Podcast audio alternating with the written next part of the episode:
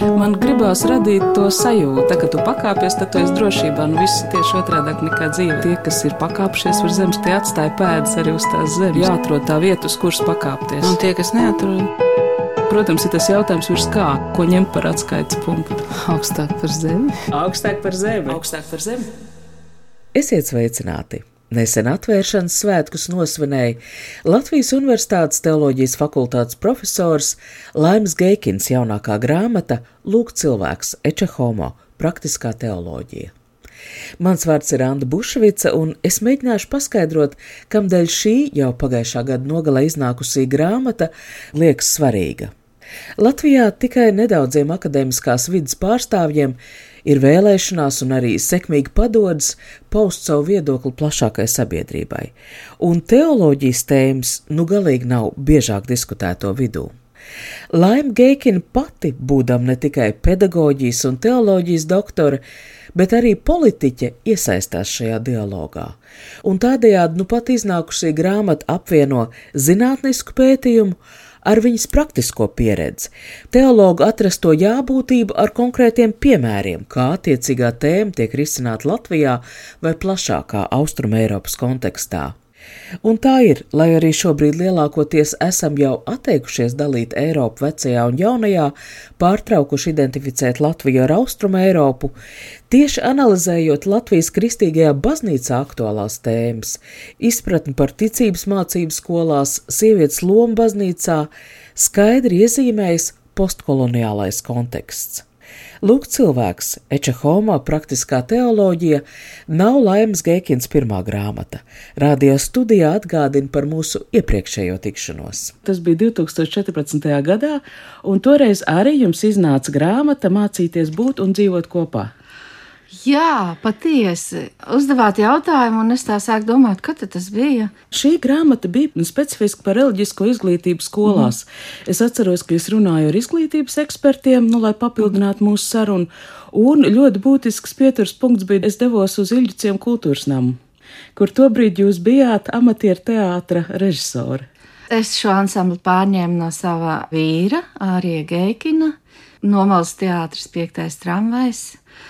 Jā, un uh, interesanti, ka tajā brīdī, kad es sapratu, ka es vairs nevaru savienot lietas, mans uh, maģistrants Andris Gross piekrita pārņemt šo ansambli. Un šis ansamblis joprojām dzīvo, man ir prieks par to. Jūsu maģistrāns teoloģijas fakultātē? Jā, teoloģijas fakultātē Andris Gross rakstīja tieši par um, Staņislavska darbības sistēmu un domāšanas veidu, un kā to salīdzināt ar teoloģiskiem uzstādījumiem saistībā ar rituāliem un turķiju. Ļoti interesants darbs. Laima Geikina arī kā personība ir ar interesantu daudzpusīgu dzīves gājumu, pabeigusi kultūras darbinieku tehnikumu, uzaicināta strādāt Rīgas 41. vidusskolā, kā direktors vietniece audzināšanas jautājumos, izvēlējusies apgūt kristīgās morāls un ētikas skolotāju kvalifikāciju. Kāpēc tieši reliģiskā izglītība? Es satiku cilvēkus savā dzīves ceļā 90. gadu sākumā, kas rosināja domāt par to, ka kristīgai izglītībai skolā ir vieta. Grāmatā Lūk, cilvēks Eča Homo praktiskā teoloģija Laima Geikina piemin, ka ir bijusi iesaistīta kristīgās izglītības standarta izstrādē. Vēlāk neskaidru iemeslu dēļ atteikusies no šī darba, mūsu sarunā es jautāju, kāpēc. Es patiesi strādājot, izēju no principa, ka, nu, ja man nepatīk kaut kas, kā lietas notiek, tad es nevis runāju daudz par to, bet vienkārši eju un daru pati jo tad es jūtos iesaistīta procesos, un tā bija arī ar šo standartu. Es izveidoju pirmkārt, dibināju Latvijas Kristīgo skolotāju asociāciju. Mēs ar izglītības ministrijas atbalstu veicām pētījumu 95. gadā par to, kādu kristīgās izglītības modeli, jeb reliģiskās izglītības modeli vēlētos redzēt skolās vecāki. Un uh, man bija tāda sāpīga vilšanās pirmo reizi, kad ministrijas diskusijā lēmums par to, ka tiks skolā īstenot konfesionāla kristīgā mācība, bija pilnīgā pretrunā ar to, ko sabiedrība tajā brīdī teica. Cilvēki bija gatavi ekumēniskai, kristīgai ētikai. Un, manuprāt, ētika bija tā, ar kuru mums bija jāsāk, jo visi ilgojās, un šodien vēl daudz izskan mēs pieminam kristīgās vērtības un dzīvesveidu. Nu, ar to bija jāsāk. Bet mēs iesākām ar konfesionālu ticības mācību, un manuprāt, tā bija lielākā kļūda lēmumu pieņemšanas ķēdē. Un pēc tam, arvien vairāk un vairāk strādājot ar laicīgiem kolēģiem, piemēram, izglītības sistēmas attīstības projekta ietvaros, es redzēju, ka ar kristietību vien nepietiek, mums jāskatās nedaudz plašāk uz reliģiju kā sociālu fenomenu. Man ir liels gandarījums, ka satura izstrādē skola 2030 mēs jau runājām par tādām trim lielajām kategorijām, ka reliģija kā fenomens, kuru mēs varam izzināt reliģiju kā tradīciju, un mums ir ļoti daudz dažādas tradīcijas arī šeit reģistrētas Latvijā, un arī reliģija kā vērtība avots. Mēs mēģinājām parādīt to, ka mūsu jaunajā pieejā, izglītības saturā, mēs varam runāt par reliģisku lietpratību, kā starpkultūru lietpratības integrālu sastāvdaļu. Jo mēs taču saprotam, ka ja mēs dzīvojam šajā pēcsekulārajā laikā, un e, mūsu pilsētas, un arī mēs paši ceļojot pasaulē, sastopam tik dažādu reliģiju un arī kristīgo konfesiju, atšķirīgus ticīgos. Mums ir jābūt elementārām priekšzināšanām par to, kas kurš ir, un tas pats galvenais Mums ir griba un spēja iestāties pret reliģiskiem stereotipiem un aizspriedumiem. Jo stereotipi un aizspriedumi, pat ja tie ir saistīti ar reliģisko aspektu, ir naida piramīdas pirmais solis, un tāpēc man vislielākā ticība un pārliecība, ka ikvienam Latvijas sabiedrības cilvēkam ir jābūt reliģiski lietpratīgam.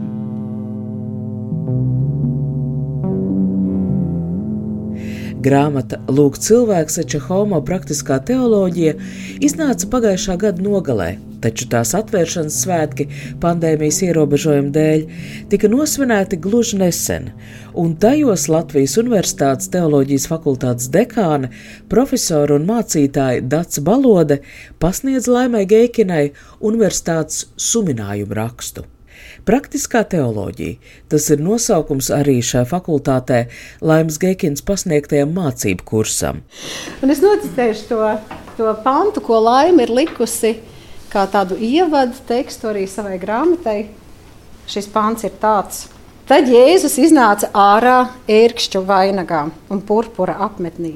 Un Pilārs viņiem saka, lūk, cilvēks. Un mums fakultātē, man liekas, tāda ilgusi saruna ir par to, kas tad ir īsti praktiskā teoloģija, vai ne, Jurija? Vismaz fakultātes gaitiņos noteikti. Jā, tas jautājums ir, vai un kas ir praktiskā teoloģija, vai vispār kaut kas tāds ir. Bet, nu, balstoties laimu uz to, ko tu esi rakstījis, es atļautos šodien teikt, ka praktiskā teoloģija ir par cilvēku, par viņa dievbijību, reliģiozitāti, kā mēs sakām par viņa pasiju, par viņa deksmi, par viņa ciešanām, par visu to, kas ir cilvēks.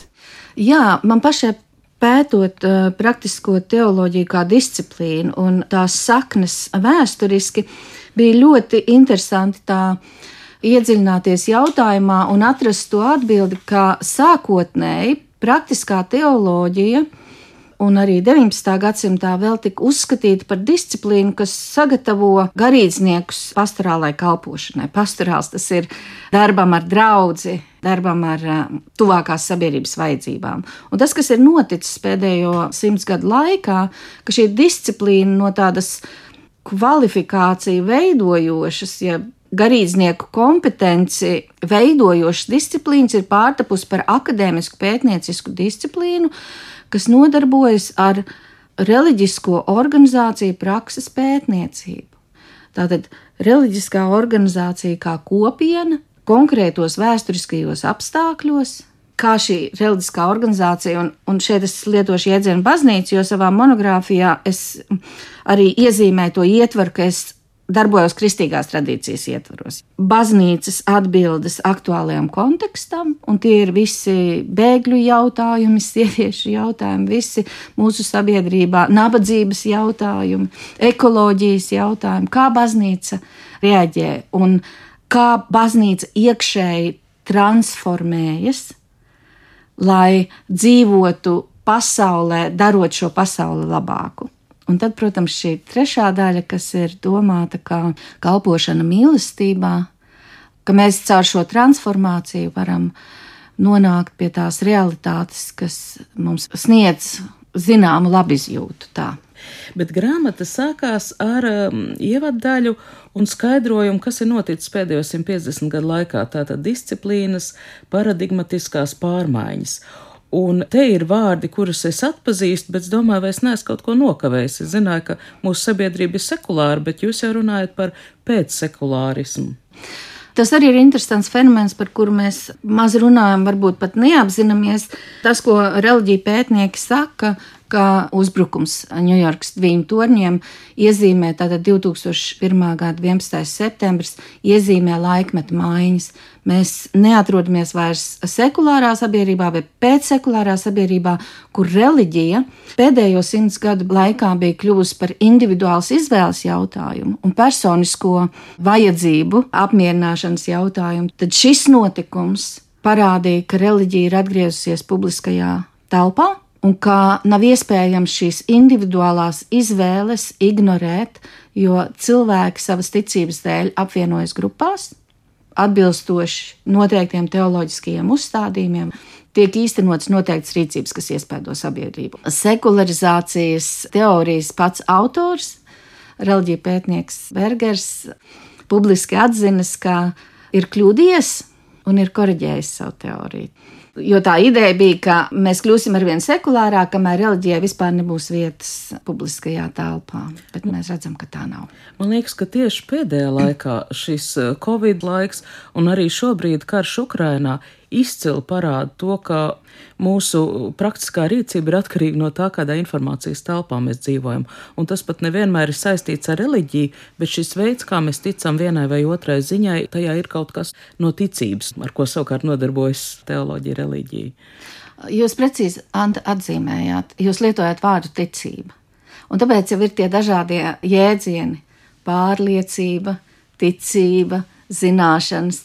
Tas, ko mēs redzam mūsu sociālajā realitātē, ka līdz ko mūsu saruna nokrīt, kā es saku, nokrīt ticības līmenī, kur vairs nav svarīgi fakti un argumenti, bet tikai mana uzticēšanās avotam un autoritātei dzelžēna pozīcija, tā saruna un dialogs ir beidzies. Man ļoti ieinteresē arī tas, ka kā vienu no šiem pārmaiņu tādiem indikatoriem, plānpunktiem jūs minat mākslīgā intelekta klātbūtni. Pirmkārt, mēs nevaram ignorēt parādības, kuras eksistē realitātē, un tā skaitā arī baznīca to nevar ignorēt. Mums jārunā par to. Otrām kārtām, tas ir patiesības jautājums. Tas bija interesanti, tāda atklāsme, ko es guvu noskatoties dokumentālo filmu Sociālā dilemma. Es sapratu, ka mēs katrs savā datorā redzam citu ekrānu. Es nebiju to tā ieraudzījusi. Un tas ekrāns mums piegādā to informāciju, vai to saturu, vai tās emocijas, kuras es vēlos. Tas ir tas, par ko mēs runājām. Mūsdienās patiesību nosaka klikšķu skaits. Nevis fakti, argumenti, kvalitatīva diskusija, bet klikšķu skaits. Šajos divos gados mēs esam radījuši kultūru, kur ticība nosaka lietas, ticība autoritātei, avotam, ticība tam, ka es tieku uzrunāts, nevis es pats meklēju informāciju, bet es tieku uzrunāts. Patiesība nosaka klikšķis skaits.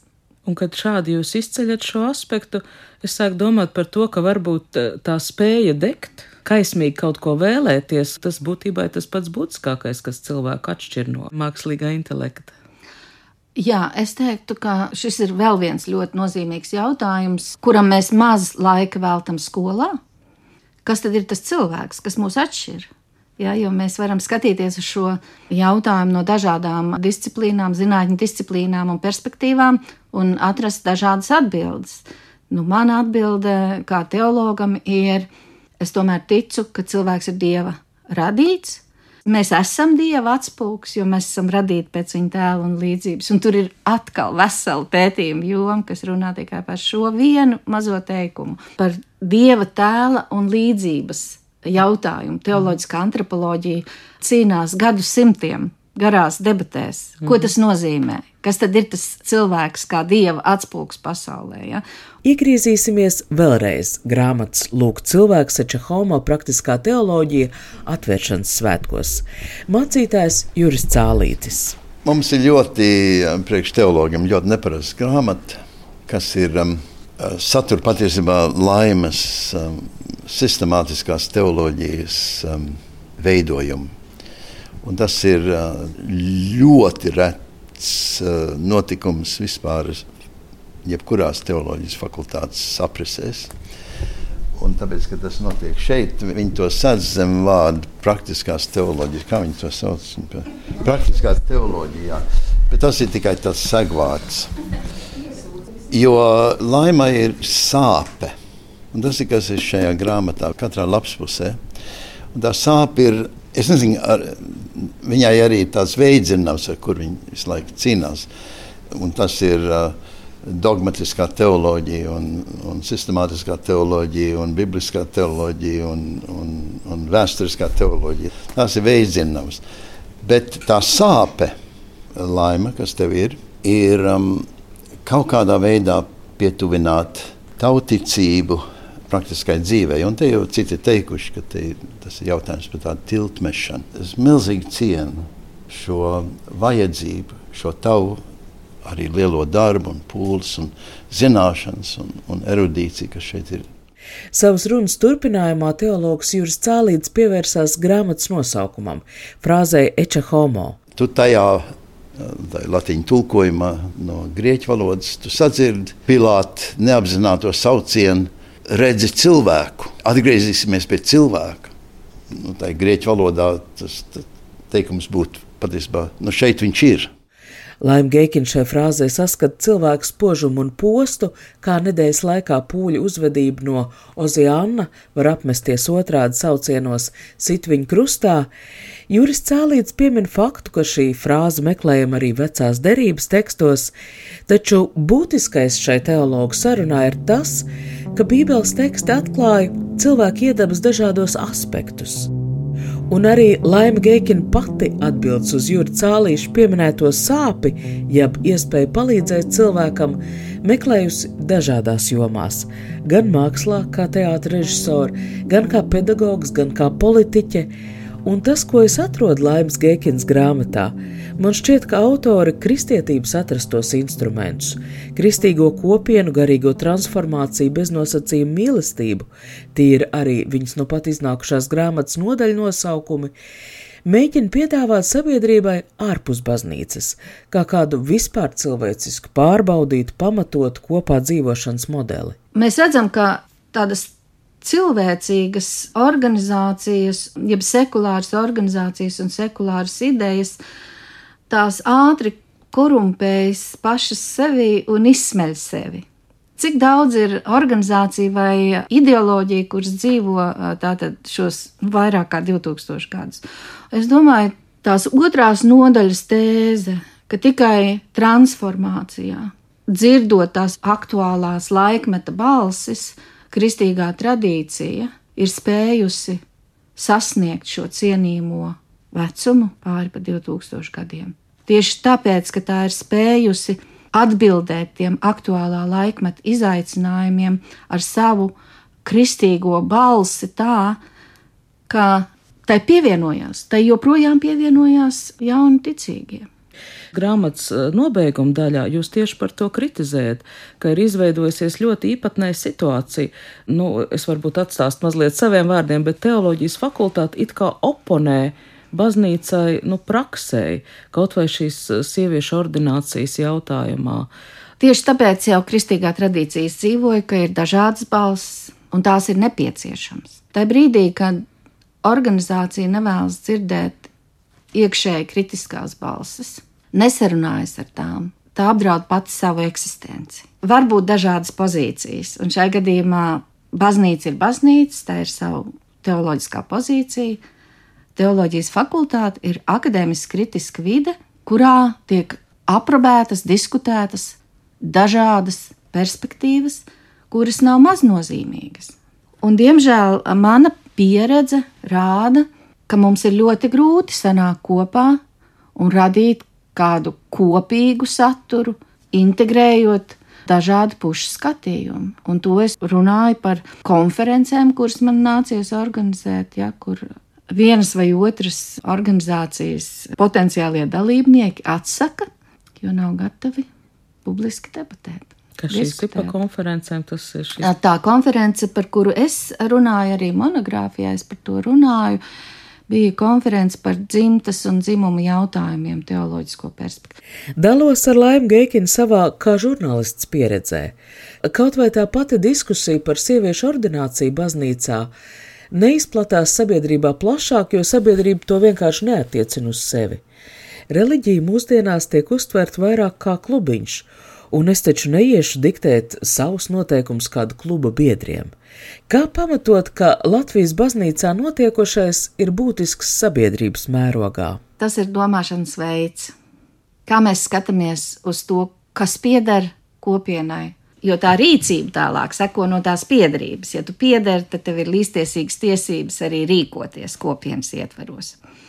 Bet tas parāda, ka tie paši procesi, kas notiek plašāk sabiedrībā, ir ātrāk ieraugām tajā mazajā kopienā, ko mēs apzīmējam kā baznīcu. Nu, mēs redzam Romas katoļu baznīcas arhibīskapa pozīciju abortu jautājumos šobrīd Ukrainas kara bēgļu kontekstā. Mēs redzam lielo baznīcu, ne tikai lielo, es biju pārsteigta par to ekumenisko paplašināto ekumēnisko iniciatīvu ar Stambulas konvencijas ratifikācijas aicinājumu neratificēt. Mēs neesam ratificējuši sociālo hartu attiecībā uz taisnīgu atalgojumu Latvijā. Es neesmu dzirdējis, ka ekumēniskā vide nāktu ar tādu skaļu, klāju paziņojumu par šo, kāpēc valsts neiestājas par tām sociālajām grupām strādājošiem nabagiem. Bet mums ir laiks un enerģija un resursi, lai mēs cīnītos tieši pret ko? Pret to, ka sieviete stāvēs altārī. Viņa jau stāv dažādās konfesijās un dažādās pasaules malās. Viņa stāv gan pareizticībā, gan Romas katoļu baznīcā, tikai varbūt ne tepat mūsu valstī, ne tepat blakus esošajās citās valstīs, Lietuvā, Polija, Austrumē Eiropā. Laima Gekina kā teoloģe ir īpaša ar to, ka viņa ir arī politiķe. Proti viņai ir iespējas kādu tēmu ne tikai aptvert teorētiski, bet arī, kā es vismaz to iedomājos, mainīt. Laima Gekina šobrīd ir frakcijas par progresīvie deputāti Rīgas domē. Laima Geikina runā par ļoti lēnām, par horizontālām pārmaiņām politikas jomā, jo Latvijā, paldies Dievam, pie varas nav diktators, kurš spētu pieņemt ātrus, neapstrīdams lēmumus. Izrādās, ka toreiz vēl kā nevalstiskās organizācijas pārstāve tā saukto likumības grozījumu apspriešanā izglītības likumā un toreiz viņa nekādi nav varējusi ietekmēt lēmumu. Nesen iznākušajā grāmatā savu ilgadējās iesaistas politikā pieredzi Laima Geikina apkopo tabulās tekstā, un tā izrādās visai noderīga metode, jo sabiedrības atmiņa politikas jomā diemžēl ir ļoti īsa. Savukārt šādā pētījumā veidojas kāds kopējais stāsts, ir pamanāms kopsakarības. Mēs redzam, tajā otrā nodaļā ir vairāki gadījumi, kas ir analizēti, kā tas ir noticis. Un tas, kas man pašai bija tāds liels atklājums otrās nodaļas kontekstā, ka tie procesi, kas notiek Latvijā, paralēli notiek arī plašāk Austrumē Eiropā. Un ka tās lietas, kuras mēs uztveram šeit kā pašsaprotamas un iekšēji iniciētas, tādā plašākā kontekstā nemaz vairs neizskatās tik nevainīgas un pašsaprotamas. Jo, piemēram, iepazīstoties ar monogrāfiju Katoļu jaunais feminisms, es ieraudzīju Romas katoļu tradīcijas tādu iekšējo diskusiju par sievietes lomu baznīcā. Un kāpēc es pieminu šo tēmu? Tāpēc, ka likumības grozījumi ir cieši saistīti ar Stambuls konvenciju, ar uh, sievietes vietu un lomu baznīcā Un likumības grozījumi ir tikai viena izpausme šai lielajai pozīcijai. Kāds zina, kā ir pareizi un labāk, un likumības grozījumi ir par to pašu. Grāmatas Lūk, cilvēks Eče Homo praktiskā teoloģija atvēršanas svētkos uzaicinātajiem tika dots uzdevums atrast kādu sev aktuālu citātu publiskai nolasīšanai. Latvijas Universitātes profesore, pedagoģijas, psiholoģijas un mākslas fakultātes prodekāne Zanda Rubene. 222. lapas puse pirmā rindkopa. Starpkultūra dialoga pamatā ir divas svarīgas saskarsmē iesaistīto attieksmes vēlme iesaistīties sarunā un savstarpēja cieņa. Mērķis ir atrisināt konfliktu starp dažādiem kultūras pieņēmumiem, radot jaunu, kopīgu saturu saskaņā ar sarunā iesaistīto personu kopīgu izpratni. Dialogs neietver varas pozīciju izmantošanu, veidojot sociālo realitāti. Citiem vārdiem, dialogs ir saruna par kopīgu tēmu starp cilvēkiem ar atšķirīgu viedokli kuru galvenais mērķis ir mācīties citam no cita, lai vienlaikus mainītos un augtu. Pedagoģiski runājot, dialogs izmanto attieksmi: es varu mācīties, nevis es varu mācīt. Man intuitīvi pēc šīs grāmatas eh, izlasīšanas šķiet, ka praktiskā teoloģija ir tas tilts starp teoloģijas humanitāro un sociālo zinātnisko izpratni. Pareizi, ja? Un es kā sociālo zinātņu pārstāvis, eh, jo pedagoģija un izglītības zinātnes pameta humanitāro zinātņu kompāniju jau 20. gadsimta 60. gados. Es vēlos runāt par cilvēku, nu, kurš ir laima. Tomēr tā ir laimes grāmata. Lūk, cilvēks laima, kur ir drosmīga. Es atceros, ka Juris vienā pasākumā teica, laima tu nevienam nepatīk. Uh, tu neesi ērta. Jubilejā. Jubilejā tu to teici. Jā. Tas bija Jūra apsveikums, Jūra Cēlīša apsveikums Laimē Geikinai jubilejā. Neviens jau neapvainojās, jo bija skaidrs, saprotams, ko Jūras grib teikt. Laima uzdrošinās sarunāties un mainīties ar viedokļiem, ar cilvēkiem, kuru viedokļi tik ļoti atšķiras no mūsējiem ka es drīzāk izvairos ar viņiem sarunāties. Es izdzēšu tos cilvēkus no sava Facebook burbuļa un izliekos, ka šādu viedokļu nav. Laima sarunājas. Viņa veido dialogu ar to domu nevis lai kaut ko iemācītu, bet lai mācītos. Tāpēc, tāpēc viņai arī izdodas. Viņa mēģina saprast cilvēku, kura viedoklis iespējams īpaši šajā situācijā, kurā mēs šobrīd atrodamies, liek kliegt aiz dusmām. Un laima tomēr to spēja. Lūk, cilvēks, Laima Geikina. Vienotās vērtībās balstīta kopība, garīgs ceļš un pārtapšana, kas savukārt ved pie beznosacījuma mīlestības, Šādu struktūru savai grāmatai Lūk, cilvēks Eča Homo praktiskā teoloģija izvēlējusies Laima Geikina. Ar grāmatas autori sarunājās Anda Buševica, šī raidījuma skaņoperators Valdis Raitums. Paldies par pamudinājumu Ilzai Jansonai, paldies par ierakstiem no grāmatas atvēršanas svētkiem manam kolēģim Tomam Trēbergam. Grāmatas atvēršanas svētkos piedalījās arī aktrise Guna Zariņa. Ierādot vēl vienu veidu, kādā šo zinātnisko pētījumu iespējams lasīt, viņa nolasīja vienu no salīdzinošajām tabulām pētījuma pielikumā, taču nolasīja kā skaistu cilvēces meklējumu sarakstītu dzējoli.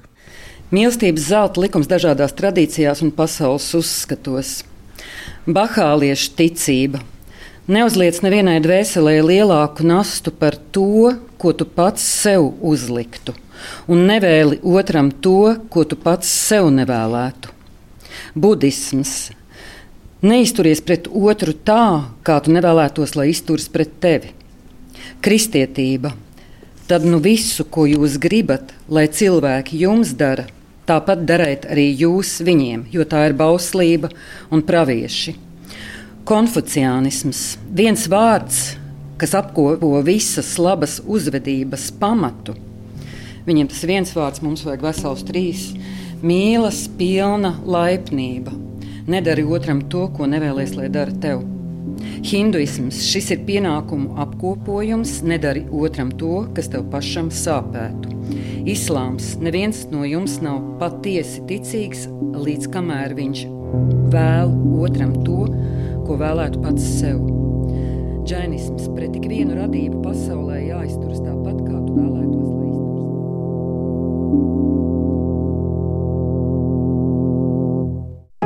Kad tu pakāpies, tad tu esi drošībā. Nu, viss ir tieši otrādi nekā dzīve. Tas ir tā spēle, jā. Tie, kas ir pakāpšies virs zemes, tie atstāja pēdas arī uz tās zemes. Protams, ir tas jautājums, ko ņemt par atskaites punktu. Nē, nu, principā ir skaidrs, augstāk par zemi. Jāatrod tā vieta, uz kuras pakāpties. Augstāk par zemi. Augstāk par zemi. Augstāk par zemi.